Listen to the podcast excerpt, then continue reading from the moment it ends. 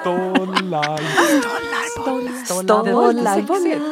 stollar, bollar med Karin, Petra och Björn.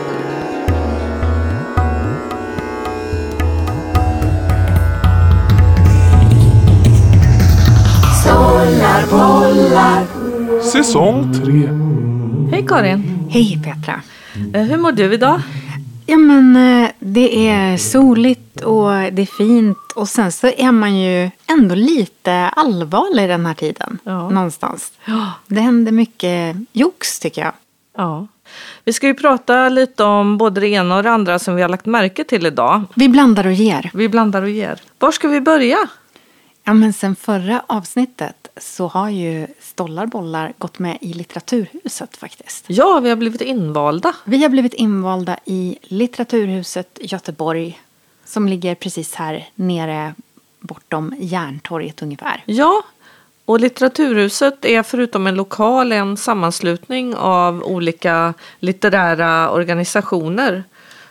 Som jag har förstått det. Ja men precis som jobbar för att sprida information om litteratur, ordna träffar och möten om litteratur, jobba med folkbildning och eh, vi ska faktiskt ha en kväll där. Där Ja. vi ska presentera oss lite närmare den 27 maj. Så att Just vi det. börjar och, och göra reklam för det redan nu. Så då Så- kan man Precis, skriv ner det i kalendern att 27 maj ska ni hänga med oss på Litteraturhuset i Göteborg. Nu är det ett, eh, ett omen som har skett i Japan. Låt höra. Ja, jag vet inte om du har hört talas om det. Det är en, eh, ett kulturarv där i eh, den japanska nationalparken Nikko. Där en vulkanisk sten har spruckit. Oj. Och det här var inte vilken sten som helst utan den här, just den här stenen sades innehålla en rävande eller rävdemon som hemsökte stenen. Och som har varit instängd i den under hundratals år. Nu har den som sagt spruckit och eh, frågan är ifall det är ett gott omen eller ett dåligt omen. Det här det, det bygger på en gammal legend om en japansk kejsare som hette Toba. Och eh, till hans hov så kom det en, en väldigt intelligent och spirituell kvinna och han blev väl förförd av henne. Men det visade sig att kvinnan var i själva verket en ondsint rävande med eh, nio svansar av någon anledning. Aj då. Så, som jag inte vet varför, Okej. varför just nio svansar. Men när eh, räven blir påkommen så rusar den tillbaka ut i vildmarken. Den blir trä- träffad av en pil. Och det gjorde på något sätt att den förvandlades till eller blev instängd i den här stenen. Och den här stenen har man då bevarat. Och eh, den finns i den här parken. Den finns i den här parken. Men historien är inte slut. För legenden berättar också, eller, eller en variation på legenden, att en, en zenmunk kom förbi den här stenen och träffar en kvinna som, som säger att gå inte nära stenen för att den dödar alla människor som kommer nära. Det var ganska snällt Jag av den här kvinnan. Mm. Jag vet, det, det är inte det är mo- motsägelsefull Ja, karaktär. ja. Att, definitivt.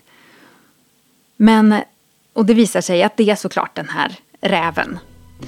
Och zenmunken tar då sin stav och slår sönder stenen så den splittras i flera olika, flera olika klippblock. Och befriar på så sätt den här anden som säger nu ska jag aldrig skada en människa igen.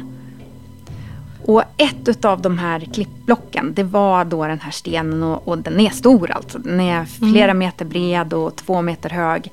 Och nu sprack den mitt i tu. Så att eh, det pågår en diskussion, i Japan i alla fall, om hur man ska tolka det här.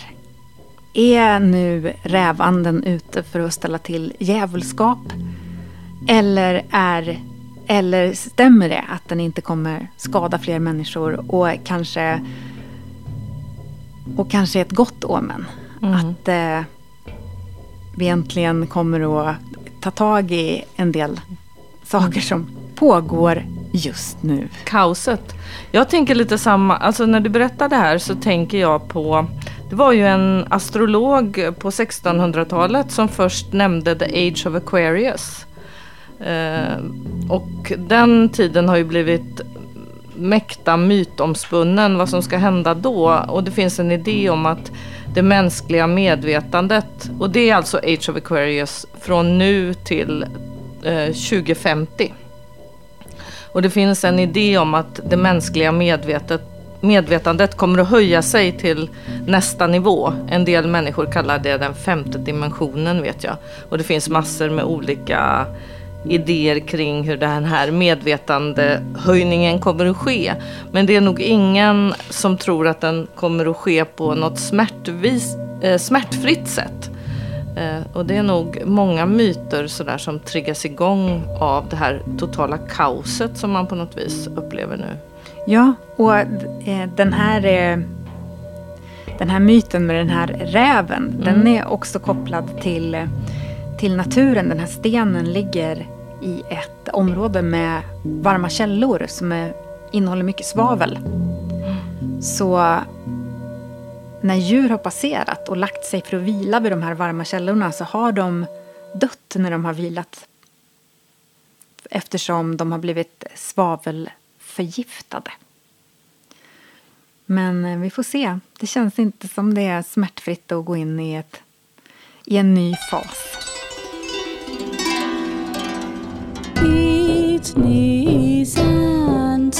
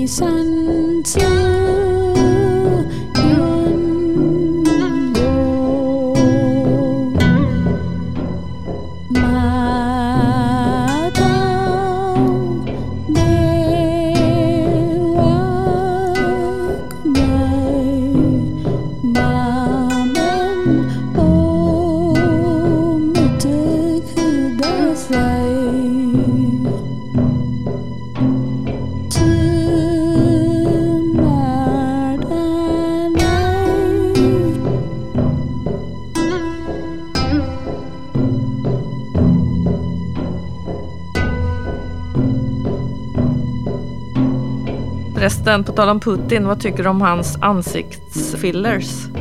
Han ser ju lite så här pussig ut i, i ansiktet. Ja. Men det kan faktiskt också vara, nu kommer konspirationsteorierna här, men det finns teorier om att det är på grund av steroider som man tar mot Parkinson eller, eller cancerbehandlingar. Ja, eller antidepressiva har jag också hört. Okej. Men sen lyssnade jag på senaste oms- eh, avsnittet av eh, Stormens utveckling. Ja. Och där pratar Liv Strömquist eh, med en eh, kvinna som är väldigt kunnig i det här med ansikts eh, och ansiktslyft och så här. Tydligen så finns det en svensk podd som heter I ditt ansikte. Aha. eh, som handlar bara om eh, vad man kan göra med ansiktet, plastikoperationer och dylikt. Och hon var väldigt säker på att Putins ansikte är fullt med fillers. Ja. Och att de har fyllt på, fyllt på, fyllt på för ingen vågar ju säga nej. Ja. Så, och till slut ger vävnaden eh, med sig. Ja. Så det blir bara en påse om man inte fortsätter och, och, Ja. och då får man det här, den här hushållsost-looken. Att ansiktet ser ut lite som en hushållsost. Men du, precis så kan det ju bli med, med läpparna också. Ja. Att folk fyller på med, med fillers Ja. och sen så får de ärrvävnad i läpparna så att de kan bli så här lite gropiga. Plus att de kan bli eh, saggiga då, när man, ifall man slutar fylla med fillers. Så att man måste pumpa upp eh, mer och mer hela tiden. Och så blir det jätteläppar till slut då. Putin har inte gjort den läppgrejen utan Oh han, my han är fortfarande inne på hushållsost-looken då. Men eh, jag har tänkt på det och det pratar de också om i den där podden att han hade ju ett rätt så här, tärt, ganska hårt uttryck. Alltså han såg ju tuffare ut. Jag antar att det är det han eftersträvar. Att se väldigt tuff ut. Eh, men den här eh, looken klär ju inte en vild man på det sättet som jag, jag tänk, tänker att han vill framstå. Nej, men jag har så svårt att se igenom vad jag tycker om det här kriget och allting. Så att Så du tänker inte på hans fillers? jag, jag tänker att han inte ser bra ut. Mm. Men det är såklart också påverkat av att, att jag känner sån avsmak för, för det han håller på med och, och det han står för. Så att jag Mm. Men om är du grymt bara- färgad. Annars hade jag kanske bara tänkt, ja men eh, en, en man liksom i 60-årsåldern, runt ansikte. Men han är Who inte cares 60 år, han är grann. 70 år. Han är 70 år. Ja, Men, Ja. Och om du, om du tittar, om om du jämför bara några år sedan, det är det som är Mm. så intressant och det är därför flera människor har lagt märke till det. Det är ju därför att han, hans ansikte förändrades Mm. väldigt plötsligt. Och det är ju eh, många ledare som, som kämpar efter att att se unga ut hela tiden. Det gör säkert Biden också. men för Putin är det ju hans, hans eh, image, hans story om sig själv. Det är ju någon som är ute och rider barbacka, som står i busken med bar överkropp med, med ett gevär som, som dyker och råkar hitta krukor som har varit, varit förlorade i havet i, i x antal år. En slags urman. En slags urman. Och då passar det kanske inte att eh, man eh, helt plötsligt blir äldre. Nej. Och eh, man kan se på ansiktet att eh, nej men, tiden är ändlig och det finns ett slut på, på den här perioden också. Ja, precis. Um, när vi är inne på det här med män och manstyper och så kan inte jag låta bli att tänka på eh, Kanye West. Nu visar Björn bilder på Putin. Ja, och där vi ser den här tärda KGB-agenten. Mm och som plötsligt blev en hushållsost. Men motsatsen till dessa machomän är ju just nu i alla fall Kanye West, J som han heter numera. Eh, har ni följt hans drama på nätet? Jag har inte följt det Nej. så jättenoga. Så, så vad har du hört? Det jag har hört och följt det är ju Han är ju en man på gränsen till nervsammanbrott. Och jag har tänkt på att det är ungefär så här vi sitter och käkar godis och tittar på den här människans totala mentala sammanbrott. Och det har ju absolut inte blivit bättre efter att Kim Kardashian träffade den här pojkvännen Pete Davidson. Och Kim Kardashian, de, de eh, var gifta och har De var flera gifta och barn. har fyra barn. Ja. Och han fick ju för sig att han skulle bli president. Och han, är, han har ju en bipolär sjukdom. Så han är ju helt out. Han är ju helt gränslös. Men han skrev en, och nu har han ju hotat den här Pete Davidson. Som är, också, som är en skådis som hon hänger ihop med nu. En mycket yngre kille. Jag tror han är i 25-26 års åldern. Och hon är ju 41 tror jag. Alltså, eller i 40-årsåldern. Så han är väldigt mycket yngre än henne. Och de träffades när hon uppträdde på Saturday Night Live. Eh, och blev kära. Eh, och det, det har varit en sån diskussion. Och, och Kanye West har ju gjort tecknade filmer där han mördar den här Pete Davidson eh, gräver ner honom i någon grav. Och, alltså det har varit, även om det är animation och sådär, han sjunger om om allt, eh, liksom hur han vill slå ner honom och, och, och allt det här helt eh, public. Jag tänkte på, vi har ju gjort ett avsnitt som, som heter Skvaller. Ja. Eh, där, vi, eh, där vi pratade om hur, hur såna här kändisar använder sociala medier för att vinna den här kampen. Men det låter som att, eh, som att vi, vi kan känna att ah, men han, är, han är ute någonstans och det, det är liksom motsats till en kontrollerad machoman. Men jag kan tänka mig att han själv tänker att han är den, det machoidealet med hot om våld och... Ja, han skrev en dikt, nu har jag Ja. inte den framme för han tar ju bort hela tiden det han lägger ut. Han lägger ut på Instagram, sen tar han bort det så väldigt ofta har han bara en svart ruta på Instagram och det är ju där han, han eh, för det här kriget emot den här Pete Davidson. Eh, men eh, där han skrev om det här att en man får inte visa sig svag, en man får inte, men en, den här skilsmässan gör mig sjuk och den här skilsmässan gör mig. Så han har, han har själv försökt skriva om att han är utom sig och, och att det här är någonting Ehm, och alla vet ju att han är sjuk och det har ju Kim Kardashian också gått ut med. Men sen gjorde den här Pete Davidson en grej. Han skrev öppet på Kanye Wests Instagram att vi, vi kan väl träffas. Eh, och då ville Kanye West att han skulle komma till hans kyrka och då svarade Pete Davidson this is private. Alltså, alltså det här sker alltså framför alla miljoner följare. Eh, och då frågade Kanye West, var är du någonstans? Och då svarade Pete Davidson, in bed with your wife. Och så tog han ett kort på sig själv i sängen hos Kanye Wests fru. Och då Så- tänkte som, jag, inte, som ju inte är hans fru. För att eh, de är väl... Eh, hon, de har väl skilt sig även om... ja, jag tror inte skilsmässan hade gått Nej. lagligt igenom då. Det Ja. var typ en dag innan. Men, men det är en sån provokation att göra det.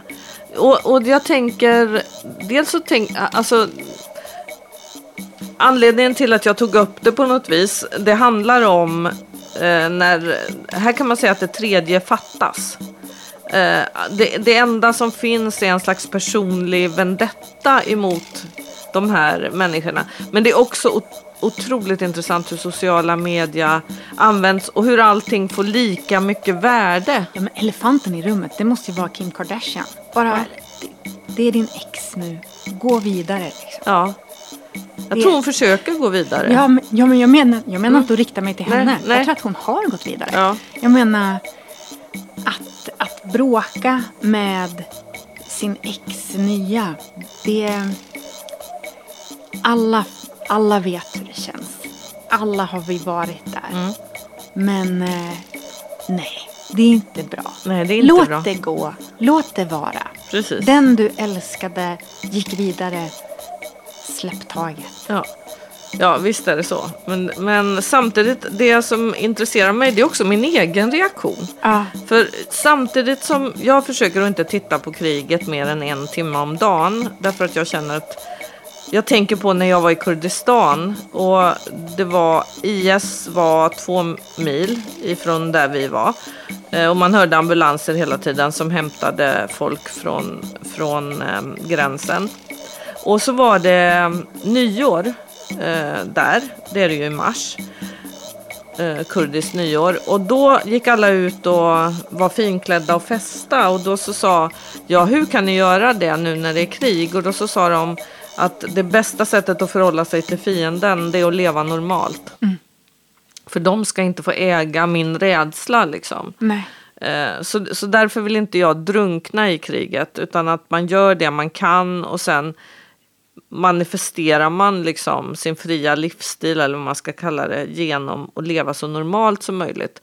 Det är en större solidaritetshandling än att sitta och titta på skräckklippta eh, krigsprogram som finns som klipps för att du ska bli emotionellt paralyserad. Så, så kan jag känna. Um, men samtidigt så när jag tittar på mitt eget flöde då kan jag bli så här förskräckt över att Kanye Wests historia den ligger liksom på topp i mina såna här hittar därför att jag, jag kan inte låta bli att undra vad som ska hända härnäst i deras sjuka kärlekstriangel samtidigt som det varvas med rapporter från det här kriget.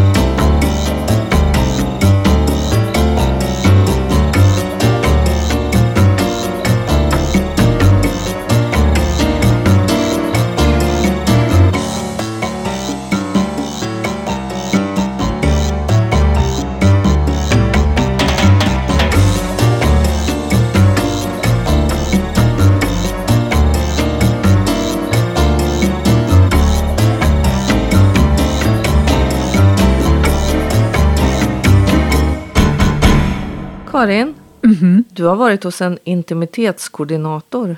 Ja, men det stämmer.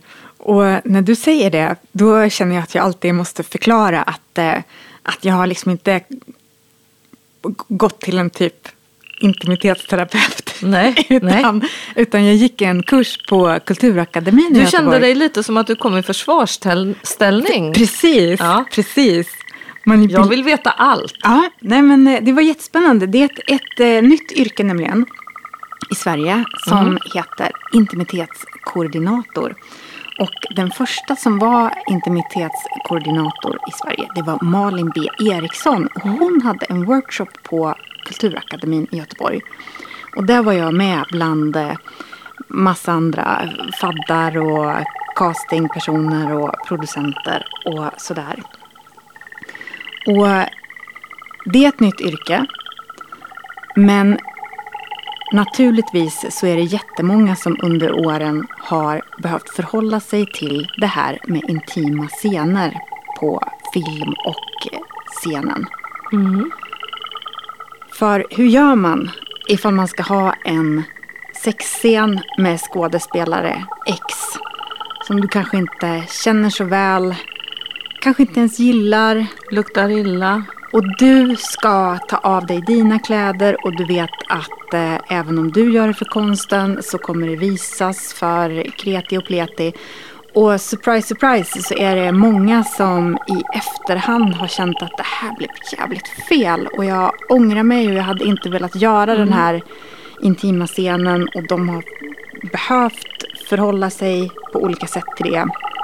Och nu så efter metoo tror jag så blev det liksom ett, ett yrke. Hur jobbar vi med skådisar så att eh, de gör det de vill och vågar men också har möjlighet att sätta stopp lättare. Så det inte blir som det Övergrepp. som ett övergrepp och vi har ett, ett berömt exempel på det. Det är ju Sista tangon i Paris som eh, Bertolucci gjorde och Marlon Brando spelade en av huvudkaraktärerna och eh, Maria Schneider den andra. Och Maria Schneider var 19 år vid det här tillfället och Marlon Brando var medelålders och eh, samma sak med Bertolucci. Och eh, det var... Filmen handlar om ett... Eh, ett eh, ett förhållande som spårar ur där Marlon Brandos karaktär blir allt mer dominerande och våldsam. Och för att få en äkthet i en våldtäktsscen och med äkthet menar jag då att regissören ville ha liksom äkta känslor. Så bestämde sig regissören och Marlon Brando under en frukost.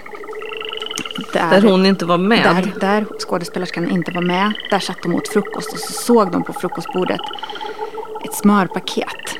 Och då tittade de på varann i samförstånd enligt Bertolucci och båda visste att ah, det här ska vi använda. Så att i en våldtäktsscen där Maria Schneider, Schneiders karaktär ska våldtas analt så tar de in det här smöret och hon vet ingenting om det här. Hon är 19 år, hon fattar inte hur hon ska kunna säga nej till det. Och de använder det i scenen och det, det finns på Youtube och överallt. Och efter det här hände så menar hon att hon eh, fick ett eh, psykbryt. Inte bara för vad hon hade varit med om, för att hon, hon säger att de tårarna ni ser, den förtvivlan som är i scenen, det är verkligen äkta. Jag kände mig lite våldtagen helt enkelt. Mm. Lite? Ja, Ja. det, det är vad hon säger. ja. Och... Eh, men det var inte bara det, utan det var också hur folk såg henne. Mm. Att de tittade på henne på ett speciellt sätt och hon menar själv då att det ledde till psykiskt sammanbrott och drogmissbruk Mm. eh, längre fram. Och jag har sett en intervju med Bertolucci och han säger att den här skulden för vad vi gjorde, den bär jag alltid med mig och jag ångrar ingenting för det blev bra film. Så, sådana incidenter, en annan person som har gått ut och sagt att eh, jag var med om grejer som inte kändes okej alls. Det är Emma, Emma Emilia Clarke som spelade Daenerys i Game of Thrones. Och ifall man tänker tillbaka på första säsongen av Game of Thrones då var det ju Och vem var hon nu i Game of Thrones? eh, blonda dragon eh, Jaha, var det Dragon Queen? Ja, hon. Okej. Och när man tänker tillbaka till Game of Thrones och första säsongen i alla fall, då var det ju naket i parti och minut. Och Precis, det var ju orger. Yes. Och det här var hon inte beredd på. Hon hade tackat ja till rollen, hon fick manus och oj vad mycket naket. Men det får jag väl göra tänkte hon och grinade på toaletten mellan tagningarna och gick tillbaka in och tog av sig kläderna liksom. Och, och hon säger i efterhand att, eh, att det var inte bra alls för henne. Nej. Men efterhand, när hon fick mer... När hon fattade att hon kunde säga nej, fick mer skinn på näsan, då började hon göra det. Då säger hon att liksom, de bad henne att visa brösten i någon sexscen och hon sa bara nej, the sheet stays up. Alltså nej, lakanen de stannar uppe. Och då sa de till henne att men du vill väl inte göra Game of Thrones-fansen besvikna? Och då sa hon fuck you. I'm the Dragon Queen. Ja. Och hennes, hennes pondus växte i och med att ja, men nu kan vi inte sparka henne för alla väntar på att hon ska ta över järntronen i det här. Alltså hennes roll var ju sån att, att den växte under.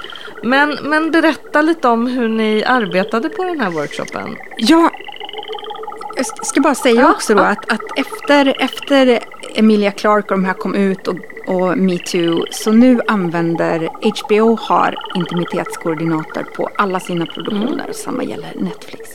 Men ja, jag hamnade ju i, i fel grupp inom citationstecken. Jag ham- hamnade med den gruppen som arbetar bakom kameran men det var jätteintressant. Ja. För att eh, jag, tydligen är det här ett, eh, ett dilemma som existerar. Hur man ska, alla delar i en filmproduktion delar det här dilemmat med hur ska man hantera sexscener. Hur får man liksom, hur kan man prata om det? När skådespelarna är där. Vilka ska vara i rummet när en sexscen tar plats eller en intim scen som ju kan vara andra saker också. Till exempel när någon tar av sig kläderna eller strippar eller ja, vad det nu kan vara. Och ljussättarna, behöver de tänka på att en skådis som ska vara naken i skogen kanske inte kan ligga där naken medan de sätter ljus. Roddar. Ja. Precis. Och, och ifall man jobbar med unga, det finns unga skådisar som de får sin första kyss på medan de spelar in någonting. Liksom. Och en intim scen, ja det kan ju dels, vi tänker på sexscener men absolut eh, scener där någon onanerar eller tar av sig kläderna. Någon som badar naken. Och där kommer intimitetskoordinatorn in. Och en jätteviktig del av en intimitetskoordinators arbete det är samtycke. Att om du gör en sån här scen då är det för att du, du gör det du vill. Mm. Och eh, ifall du inte vill och du jobbar med samtycke då ska du ha rätt att säga nej. Och det här är ju någonting som kanske många tänker att ah, men då säger väl folk nej hela tiden. Men det är inte riktigt så. För, för skådisar, skådisar är, är väldigt... Eh, de, är ju, de är ju artister och de vet att det är, det är en story vi berättar och det är den som är det viktiga. Och de vill berätta den storyn. Sen kan det väl vara viktigt också, tänker jag, för, som manusförfattare. Att det kanske får manusförfattare att verkligen vara tydliga med, och regissörer också, vad som ska vara med.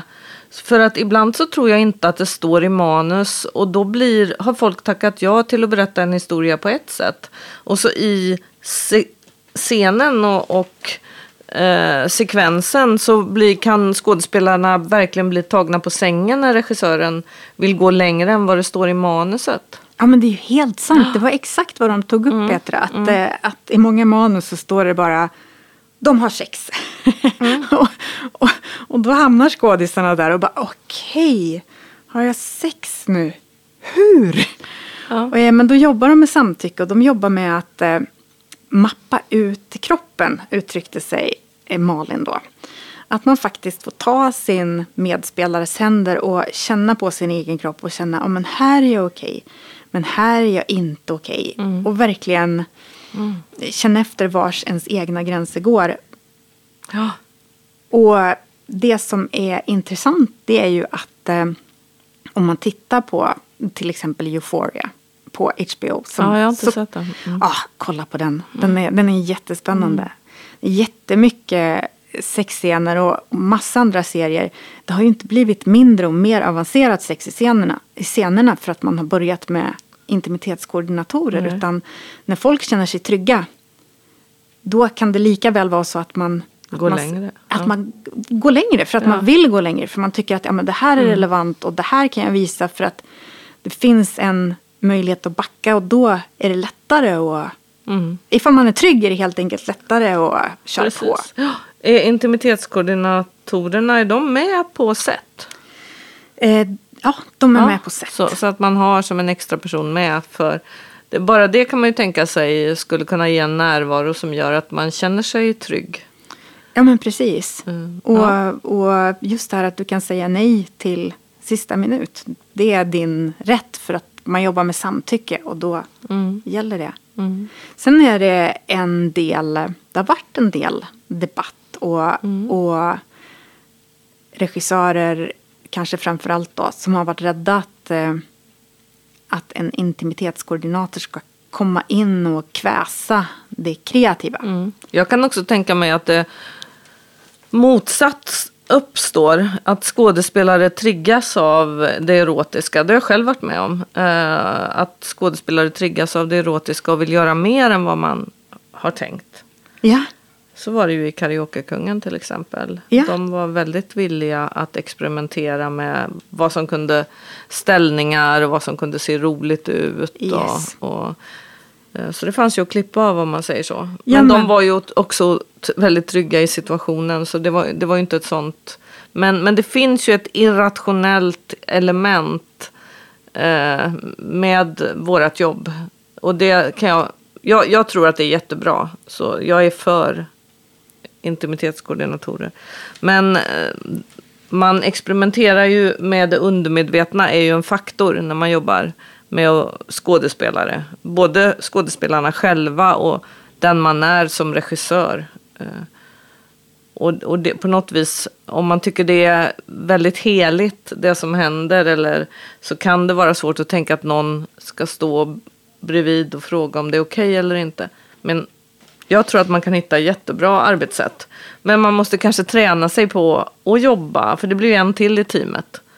Så man får jobba med så att säga. Ja, nej men det du säger att, att liksom de inte hade några problem med det. Hon var väldigt noga och betonade att om, om en skådis inte har några problem så, så det är inte så att man kollar upp hela tiden. Är du okej? Okay? Är du okej? Okay? Utan man har ett eh, man går in med från mm. början mm. att eh, det här är de riktlinjerna vi ska jobba efter. Man har rätt att säga nej, man mm. har rätt att säga ja. Du behöver känna efter vart det känns rätt. Vi, mm. vi gör en koreografi över den här scenen. Mm. Men, eh, men att det också är en faktor att inte lägga över sin egen, vad man mm. själv skulle känna. Ja, men jag skulle inte visa mitt kön. Ja, men är du säker på att du vill göra det här? Ingenting sånt utan mm. folk kan verkligen vara okej okay med att ha andra gränser än du mm. själv har. Nej, men jag, jag hörde någon, det här har egentligen inte med saken att göra, men de gör ju attrapper så att folk inte ska behöva ligga hud mot hud har jag hört mycket. Eh, en del använder sådana attrapper. Och då är till exempel manskönen alltid väldigt stora. Ja men du, det har jag lagt märke till faktiskt. De har ju börjat visa jättemycket snoppar nu. Ja. Det var ju unheard of ja. när vi var små. Ja. Utan då var det ju bara tjejer som skulle visa Absolut. grejer. Men nu har ju snoppen kommit in som en Snoppen faktor. har verkligen gjort entré i, i filmmediet och tv-serier. Och det är rejäla don. Det, ja men det är ingen tydligen som vill ha en liten snopp. Nej, och det är ju som sagt det är ju låtsassnoppar man ser. Men dock en snopp. så, så ni som tittar på tv och ser en jättestor snopp, det är bara en låtsassnopp. Jag har en liten följdfråga där Karin. Du som är inne på anatomi och sådär. Visste du, det här har jag nyss upptäckt, visste du att en man kan få stånd efter döden? Efter döden? Ja. Nej, det visste jag inte.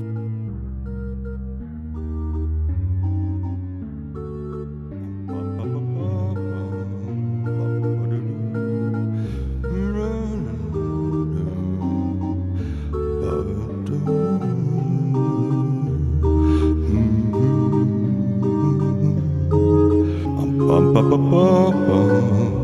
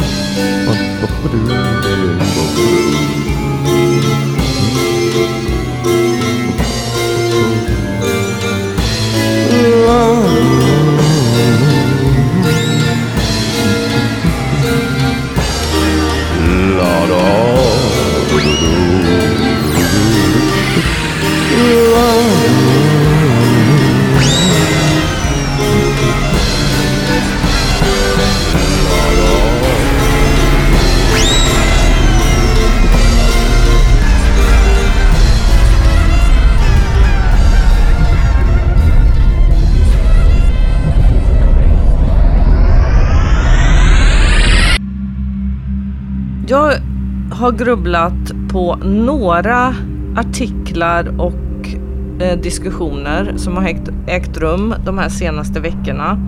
Och de hänger, eh, de hänger ihop på sätt och vis.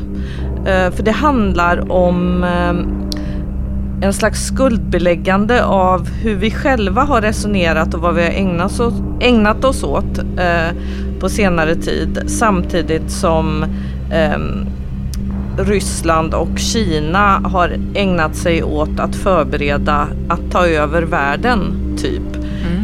Eh, Peter Wennblad skrev i Svenska Dagbladet en artikel som har diskuterats i jättemånga poddar som heter Vi grävde skyttegravar i vår egen navel. Ja, det låter ju inte som att vi gjorde någonting bra där.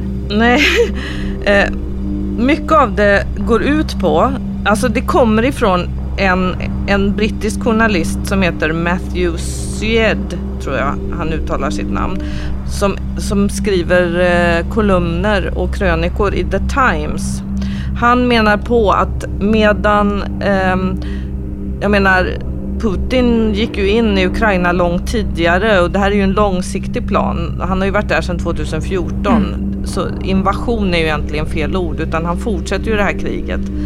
Eh, men Eh, den här eh, mannen då som skriver i The Times han menar att vi tjafsade om könsneutrala eh, toaletter med liksom att vi har blivit så blinda av det här navelskådandet att vi helt enkelt inte har sett, alltså vi har, vi har inte lyft ögonen och sett vad som verkligen händer i världen. Jag tänkte läsa inledningen på den här artikeln som han skriver i Svenska Dagbladet. Och visst har de västerländska demokratierna i allmänhet och Sverige i synnerhet ägnat mått måttlöst många minuter och miljarder åt betydelselösa bagateller som huruvida ljushyade människor är lämpade att översätta mörkpigmenterade författares texter eller om färre sugrör på både hamburgerrestauranger och sjukhus liksom släckta lampor en timme om dagen är höjden av miljöpolitisk medvetenhet medan ukrainska soldater byggde försvarsvärn längs den ryska gränsen grävde vi skyttegravar i vår egen navel. Eh, och det här går ju ut på att vi har ägnat oss åt eh, symbolism och identitetspolitik så mycket att när detta händer, som händer nu, så är vi eh, helt eh, chockade eh, på något sätt. Vi, vi blir jätteförvånade över att detta händer. Hur kan detta hända nu? Eh, vi trodde att vi var i en helt annan tid som handlade om helt andra saker. Det är en artikel. Jag, jag vill ta båda de här mm. resonemangen efter varandra eftersom på något sätt hänger de samman.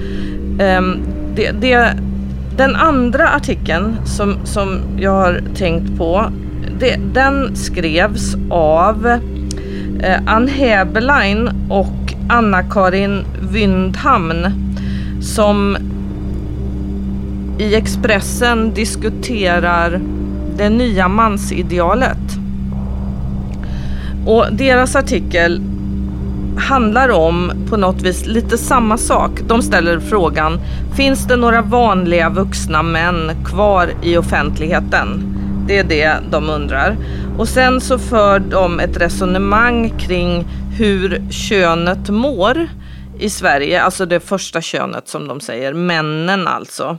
Eh, att eh, svenska män eh, på något vis är självömkande. De, de till och med delar upp svenska män i olika i olika kategorier. Den trasige mannen som har svikit barnen och lämnat kvinnor och betett sig som ett svin men ändå tycker mest om sig själv. Eh, offerkoftan. Eh, vad är det mer för... Eh, ja, mannen som eh, skrock, skrockar grabbigt och självgott åt kvinnor.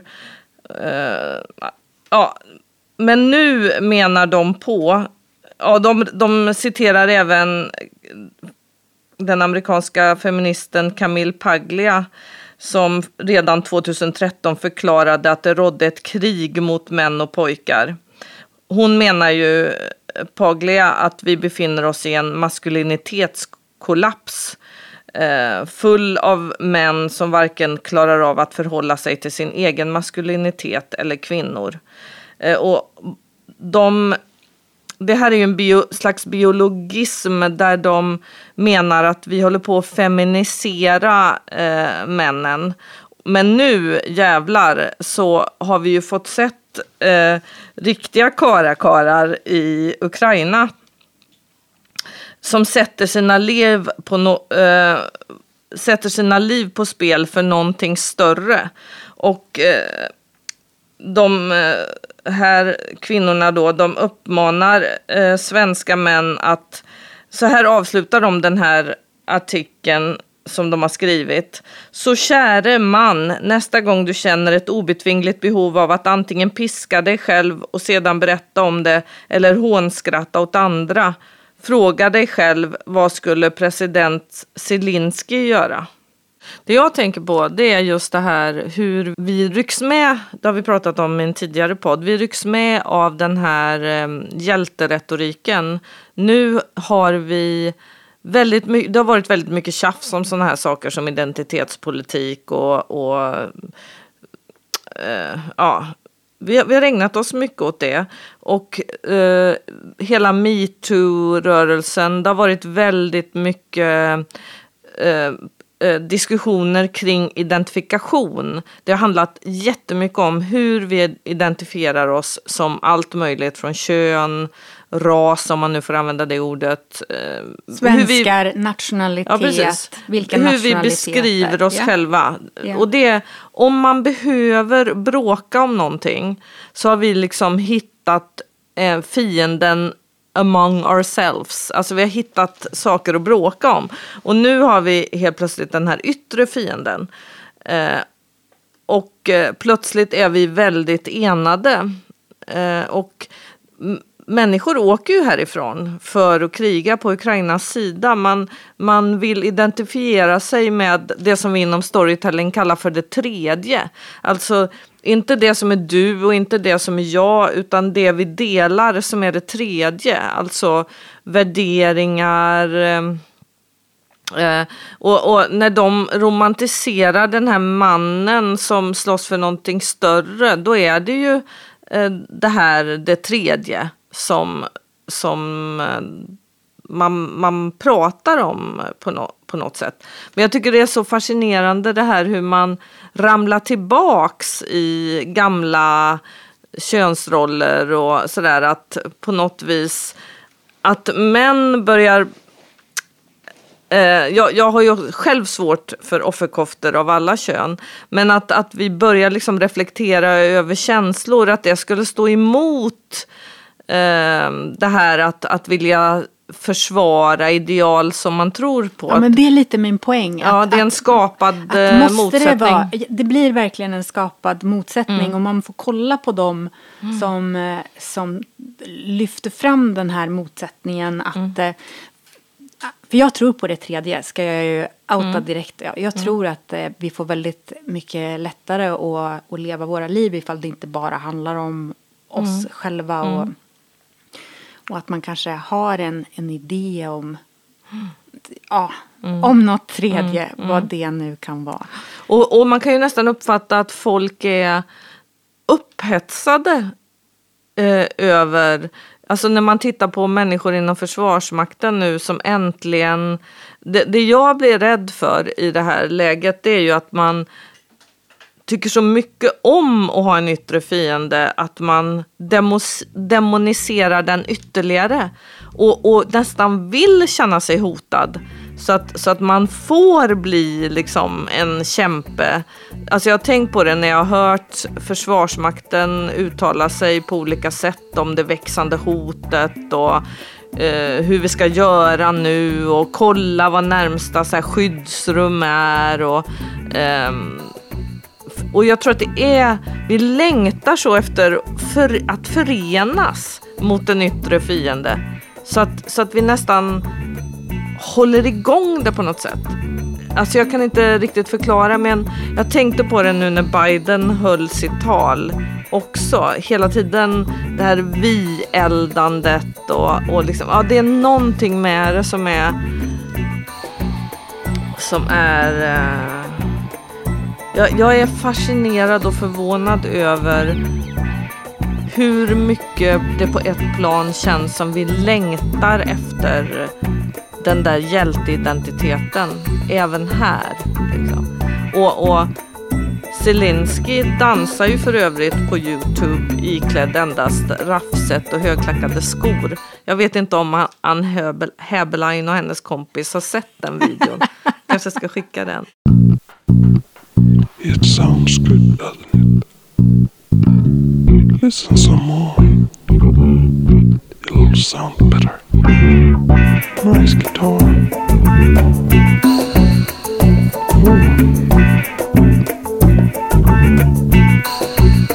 Drums. Something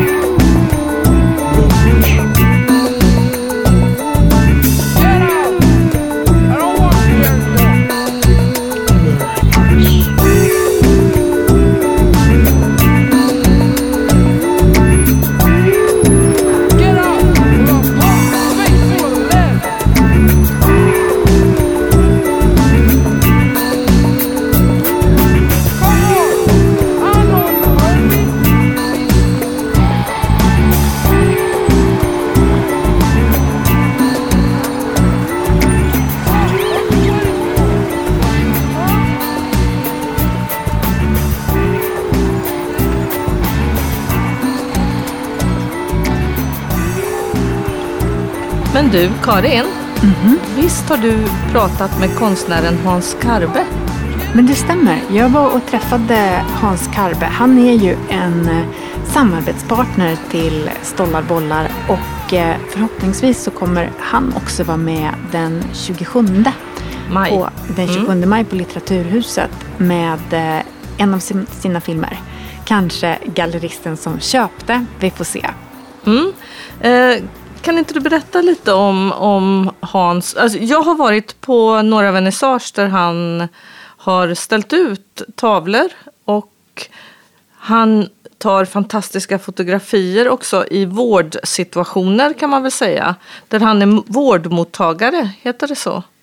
Ja, när eh, vi började jobba på det här temat omsorg så, så tog jag kontakt med honom för att han hade en fotoserie som heter Self Portraits som är jättefin, ja, där, som visar honom i vardagen hur han eh, tar emot hjälp av sina assistenter samtidigt som han själv är fotografen i situationen via eh, självutlösare. Så att eh, det, det blir en, en märklig blandning där, där han själv är den aktiva som dokumenterar och samtidigt behöver ta emot någon annans eh, stöd för att eh, kunna göra detta. Mm. Han har ju väldigt speciella samarbeten har jag förstått med sina assistenter i sitt skapande. Ja, och det är ju också speciellt att, eh, att behöva ta in andra personer i sitt skapande i så hög eh, grad. Ja. Och ändå ha ett jättedistinkt, en jättedistinkt stil. Trots att det är många människor inblandade. Ja, men det visar ju på något sätt att, att det är den här intentionen som, eh, som går genom olika uttryck men som ändå finns där. Mm. Om man vill titta på Hans Karbes konst så har ju han en hemsida. Det har den, jag tycker vi länkar till den sen. Det gör vi absolut. Jag sitter med Hans Karbe i Majerna och har följaktligen blivit eh, bjuden på ett perfekt surdegsbröd. Som, eh, det är ett eh, nytt projekt, eller hur Hans? Ja, när man bor i Majorna måste man ju baka surdeg. Nu är all mat så dyr så det är, det är lika bra att börja baka bröd också. Ja, det är faktiskt rätt kul och jag är rätt nöjd med resultatet för första gången. Rätt nöjd. Det var perfekt och man kunde skära så här jättetunna skivor av det. Men eh, det var inte det vi skulle prata om utan jag undrar om du skulle kunna förklara för mig vad ditt ljudlandskap består av. Jag kallar det för ljudlandskap. Men det är egentligen en installation som är en blandning av modelljärnvägslandskap och eh, musikinstrument. Varför bygger man ett sånt? Det har jag funderat på. Men det är nog för att det är ganska unikt, tror jag, med modelljärnväg och musikinstrument i samma skapelse. Inte en modelljärnväg som man kan köra med. Utan just nu hänger den på väggen. Men det är upplimmade, spikade spår, ett par papier-maché-berg och lite modellhus. Och sen är det gitarrsträngar uppspända mellan olika plåtburkar. Som vi då har satt fast stämskruvar på. Vi har mickat upp fyra kontaktmickar på konstruktionen. Det här är, om jag har förstått det rätt, det enda instrumentet i sitt slag i världen. Ja, jag skulle tro det. Det finns ju många hemmabyggda musikinstrument som där är ju modelljärnväg och musikinstrument i samma. Jo, men en grej med ju uppspända gitarrsträngar. Fördelen med det är att det ser ut som några sorts elledningar och så. så att det smälter in ganska bra i det här eh, modelljärnvägslandskapet. Det kanske var färdigt 2016. Och eh, ganska många olika musiker har spelat på det. Det finns rätt så mycket klipp ute på Youtube. Jag kanske ska säga också att jag byggde det tillsammans med en personlig assistent och vän till mig, Niklas Börjesson. En gammal hårdrocksmusiker framförallt. Du ställde en fråga själv. Du sa varför gör man ett sånt här ljudlandskap? Och jag vill poängtera att det är ett analogt ljudlandskap. Och det är en bra fråga. Varför gör man det? Vad, vad, ville, du, vad ville du med det? Ja, jag, jag har inget svar på det. För jag tänkte mycket på om någon ställer den frågan, vad ska jag svara då? Men jag hade helt enkelt fått idén att göra en kombination av modelljärnväg och musik och kanske som en sorts kommentar till alla snygga, häftiga musikinstrument som byggts. Men sen vet jag att du har byggt en xylotarr också. Ja, Vad är det för något? Nu känner jag mig rätt klar med det här ljudlandskapet. Och jag tycker inte att det behövs mer än ett. Så nu har jag byggt ett uh, musikinstrument som är Ja, egentligen är det ett bord som jag satt fast massa musikinstrument på. Bland annat en gitarr och någon telefonliknande instrument och eh, ja, skrot och olika trummor och sånt också. Ja, jag har byggt ja, till, till minne av min vän och kollega Jonny Larsson som tyvärr gick bort förra året. Och jag det till större delen av hans instrument. Ja, jag kallar det följaktligen sydotarv. Så du fick, eh, du fick ärva Johnnys eh, instrument? Eh, ja, Johnny var en fantastisk freeform-musiker och ja, så det är precis de här i både ljudlandskapet och sydotarven är precis i hans anda. Och eh, i höstas hade vi en minneskonsert för Johnny på eh, ja, Bröts på Konstepidemin. Och där eh, är det många musiker som kände Jonny och eh, jag hade även med Sylotarren på samma spelning. Och då ställde vi upp den som Ville fick komma fram och spela. Och det låter faktiskt förvånansvärt bra med tanke på att det är helt slumpmässigt som spelar folk oberoende av varandra. Men eh, jag tror absolut att Johnny hade gillat det.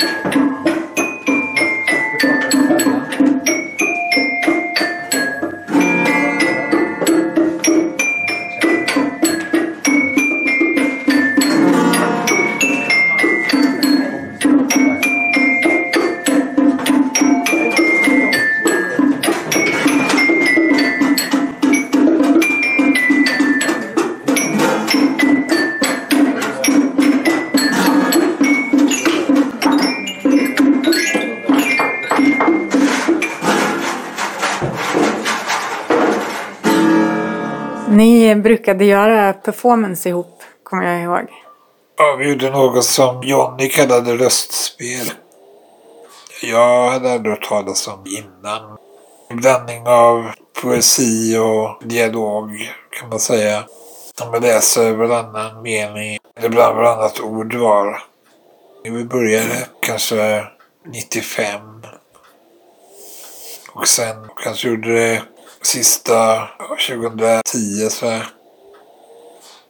Vi båda har funktionshinder så det blir naturligt att vi ger röstspel ofta på beställning.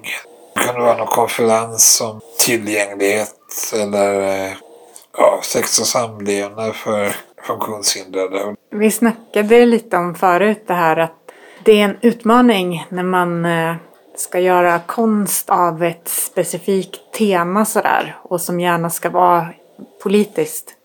Ja, det, det är väldigt svårt. Man får kanske ironisera över det hur det enklast.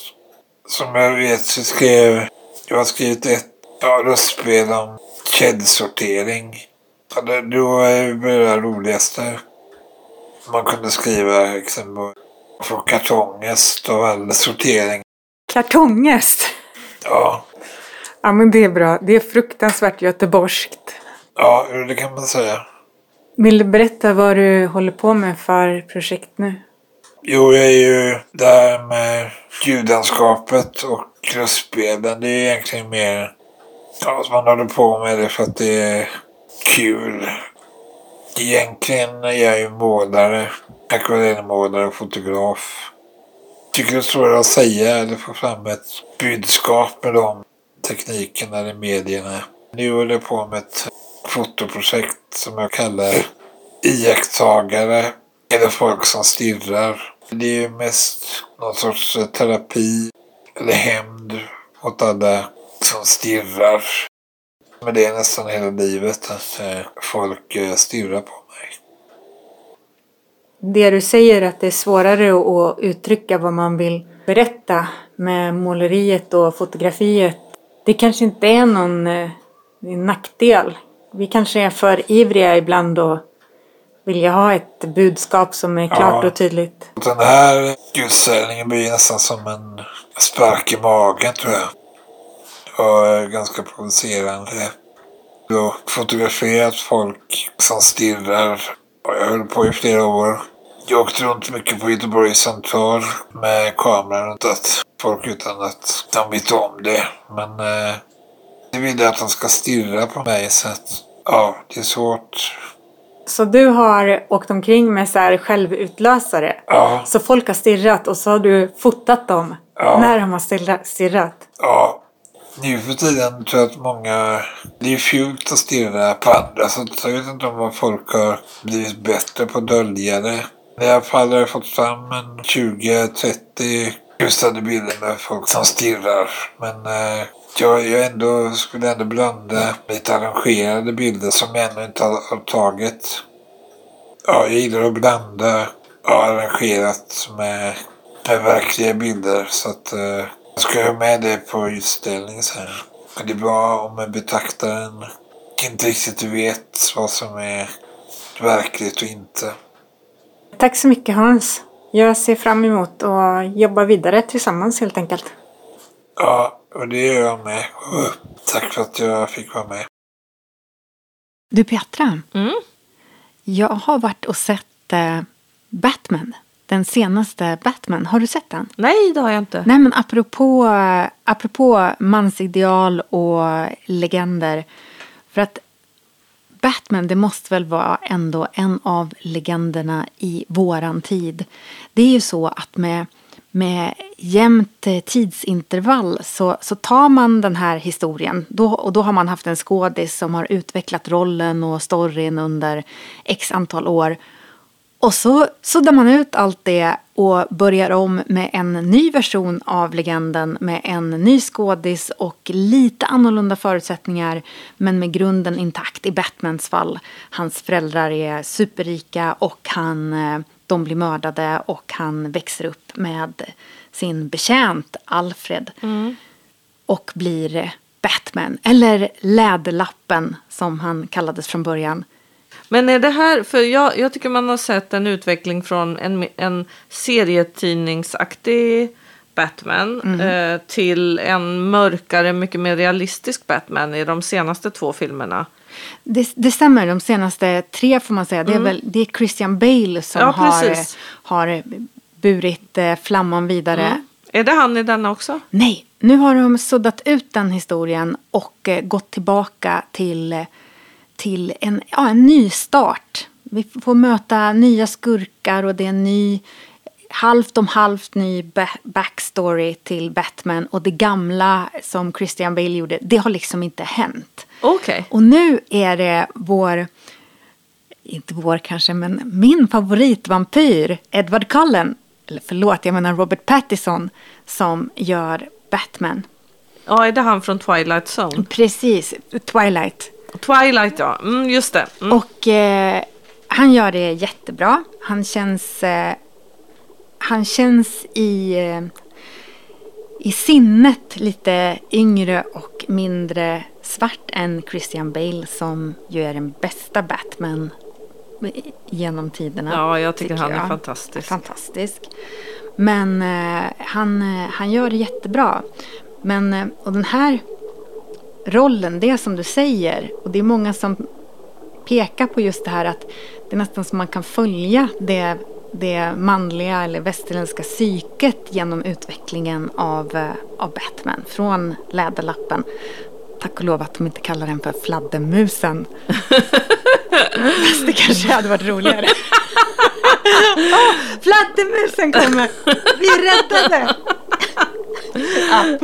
ja, men från det här eh, eh, rena 50-talshjälten till den här själsligt plågade personen som nu, eh, spoiler, spoiler, det introduceras att det finns eh, sinnessjukdom i familjen. Så han, det finns ju också en sorts eh, antydan om mentala problem där som ju hela vårt samhälle brottas med både på en individuell nivå och på en samhällelig nivå. Har han ADHD? ja, Eh, Det, det sägs inte. Nej. Vi, vi får inte... är han manisk? det hade varit roligt. Peter- En manisk Batman. Du kan inte bara komma med olika förslag. men men det, det sägs inte. Nej. Vi, får, vi får mer veta att eh, hans... Spoiler, spoiler. Ja, stäng av om ni inte vill att Karin ska spoila er upplevelse av denna filmen. Fladdermusen. Och Hans, eh, han, man får veta att hans mamma var, var sinnessjuk och att det tystades ner. Naturligtvis, mamman. Ja. Ja, men eh, det är en, eh, en rejäl film. Det är otroligt eh, rejäl menar jag. Den är tre timmar och eh, alla är fantastiska. Det är vilket manussnickeri och vilket fotografi. Det är filmat nästan som en konstfilm. Oj då. Väldigt mycket av, eh, av actionscenerna är ur fokus så att eh, du, får, du får tolka vad som händer i stora delar. Och de jobbar mycket med... Det är suddigt alltså. Det, De filmar handlingen ur fokus. Förlåt. Vad är det som skymtar förbi? Ja, en fladdermus. Okej. Om man är förtjust i honom, Robert Pattinson, så eh, kan man lyssna på ett avsnitt i podden Sällskapet. Eh, där berättar de om att han ljuger väldigt mycket. Han kan inte låta bli att ljuga. Eh, har du hört detta? Nej, det har jag inte Nej, hört. nej, han ljuger och överdriver eh, och sen erkänner han efteråt att han ljuger och överdriver. Tycker en liten pikant detalj. Ja, och, och det är ju verkligen i, i gränslandet för, att, för att vara en lögn och överdrift Mm. ifall man erkänner sen. Eller erkänner han liksom för att han blev påkommen kanske? Ja, jag tror att, eh, nu kommer jag inte ihåg några exempel, men de var ganska extrema om hans lögner. Men han hade sagt efteråt att han hade berättat lögnerna mest för att underhålla. Men det var verkligen sådär, va? Va, vad säger han? Eh, men det det, du vet ju att det är en av mina favoritpoddar, Sällskapet Ja, ja. på Yle. ja, men va? eh, ja. nej, eh, jag har lyssnat på några. De är ju väldigt roliga. Mm. En annan, nu när vi är inne på män, det är ju Musk. Teslamannen även kallad. Elon. Han har ju utmanat Putin på duell Ja, eh, på Twitter. Eh, redan innan detta så var det ju någon eh, minister i Ukraina som skrev till Elon Musk att han behövde hjälp med att få upp internet över Ukraina. Och då får ju Musk dit med sina såna här satelliter och fällde ut dem över Ukraina så Ukraina fick internet.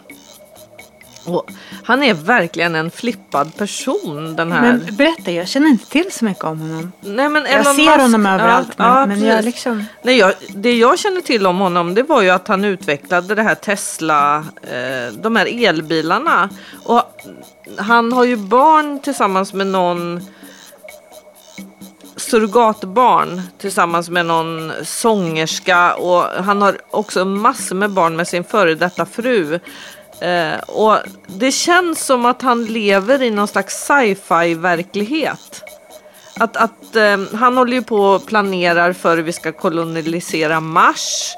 Han håller på och planerar de här rymdresorna som vanligt folk ska kunna eh, åka ut i. För att binda ihop alla konstiga spretiga infall kring det här eh, avsnittet som handlar om både det ena och det andra så hade ju Pete Davidson, eh, Kim Kardashians nya kille, köpt en plats till nästa space-resa. Men sen blev den lite uppskjuten så då kunde inte han åka med. Så det var lite otur. An- Annars kunde han och Kanye åkt upp tillsammans. Men hade det, är ju, något. men, men vad är det? Att den blev lite uppskjuten. Nej men jag har ett, jag har ett möte den dagen när vi ska upp i rymden. Ja.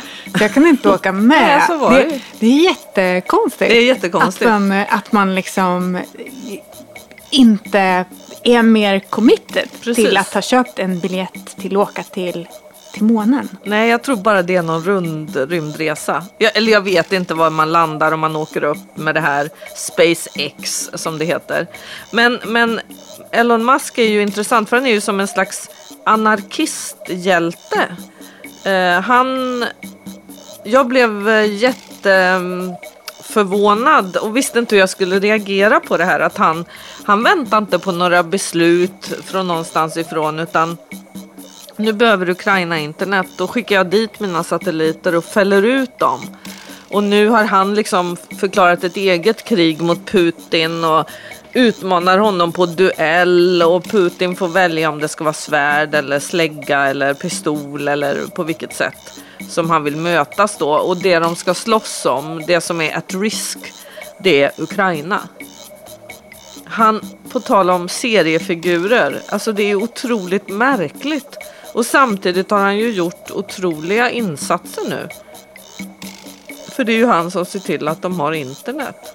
Men det är nästan overkligt. Det är som att vi befinner oss i en fiktion med jättemärkliga karaktärer. Det finns många olika typer. Det är helt enkelt. Eh, det är svårt att, att, att liksom sammanfatta vad vi har kommit fram till i det här avsnittet. Eftersom vi, eh, vi vet helt enkelt inte. Dagens avsnitt gjordes av eh, mig Petra, du Karin, våran idol Björn Knutsson. Och våran gäst var förresten Hans Karpe. Visst är det roligt det här att jag pekar och att vi liksom att det är lite så här vi ska säga olika grejer. Ja. Jag måste bara... Vi har ju pratat om eh, Elon Musk som utmanade Putin på duell och Batman och eh, den eventuellt nya manlighetsnormen. Såg du klippet från Os- Oscarsgalan? Nej.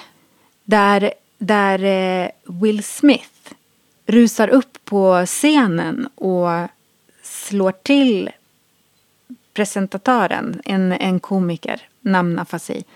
För att komikern eh, säger till Will Smiths fru att eh, ah, snygg eh, frisyr, hon var extremt eh, kortklippt. Ja. Det blir, du blir nästa G.I. Jane. I like it. Och eh, Will Smith slår till honom och säger ta inte min frus namn i din jävla mun. Och sen så börjar han Rappa. gr- gråta när han ska, ska hålla sitt tacktal. För han fick ju en Oscar också för sin roll som pappan till Serena och Venus Williams. Och ber om ursäkt, men inte till den här eh, komikern Chris Rock. Så, Vad, vad, vad kände du när du såg detta klipp? Jag menar, det är ju en blandning tycker jag. För att det är klart att man inte får rusa fram och slå någon. Sen hör det till saken att eh, hans fru har en autoimmun sjukdom som gör att hon tappar håret. Så att eh, han kände väl att hon blev mobbad för att hon var, var sjuk. Visste Chris Rock detta? Ingen aning, men det tror jag ifall han singlar ut en person. Men, Men då, då förtjänar han en smäll tycker men jag. ska vi inte ha särskilda regler för komiker och Petra? Ska inte komiker få vara skator som får, får kraxa om precis vad som helst?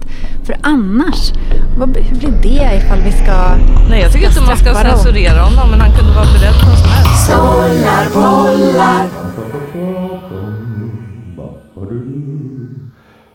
Da da